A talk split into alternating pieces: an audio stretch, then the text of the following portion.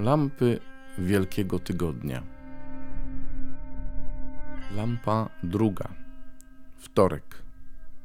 O opuszczeniu i zaufaniu. Ksiądz Alvaro Grammatyka na podstawie Ewangelii według świętego Jana, rozdział 13, wersety od 21 do 33 i od 36 do 38.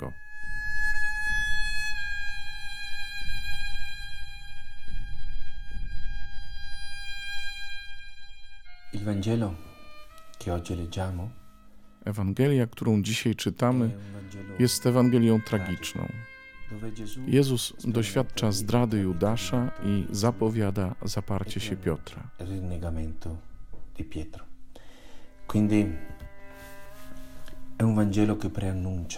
Jest to Ewangelia zapowiadająca dramat Jezusa, jego samotność. e Zostanie opuszczony przez wszystkich i umrze na krzyżu w osamotnieniu. I może to jest znaczenie tego fragmentu samotność Jezusa. Właśnie jego bliscy, ci, którzy powinni przy nim być, opuszczają go. Judasz wręcz go zdradzi i Jezus o tym wie.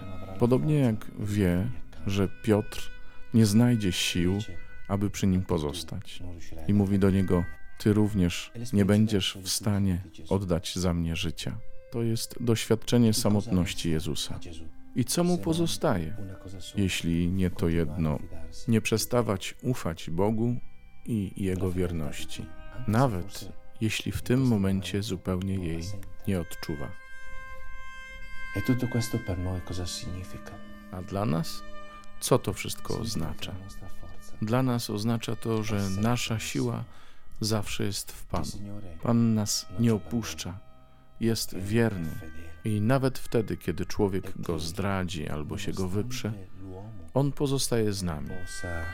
tradire, rinnegare, lui rimane dalla nostra parte. E Mamy wiele doświadczeń, które pokazują, że to prawda. Są takie chwile, kiedy mocno odczuwamy samotność. Co wtedy robić? Jeszcze bardziej uchwycić się Boga. To nie jest czas, żeby się złościć na Judasza albo na Piotra. To nie czas na narzekanie. To jest czas, aby zaufać Bogu. E.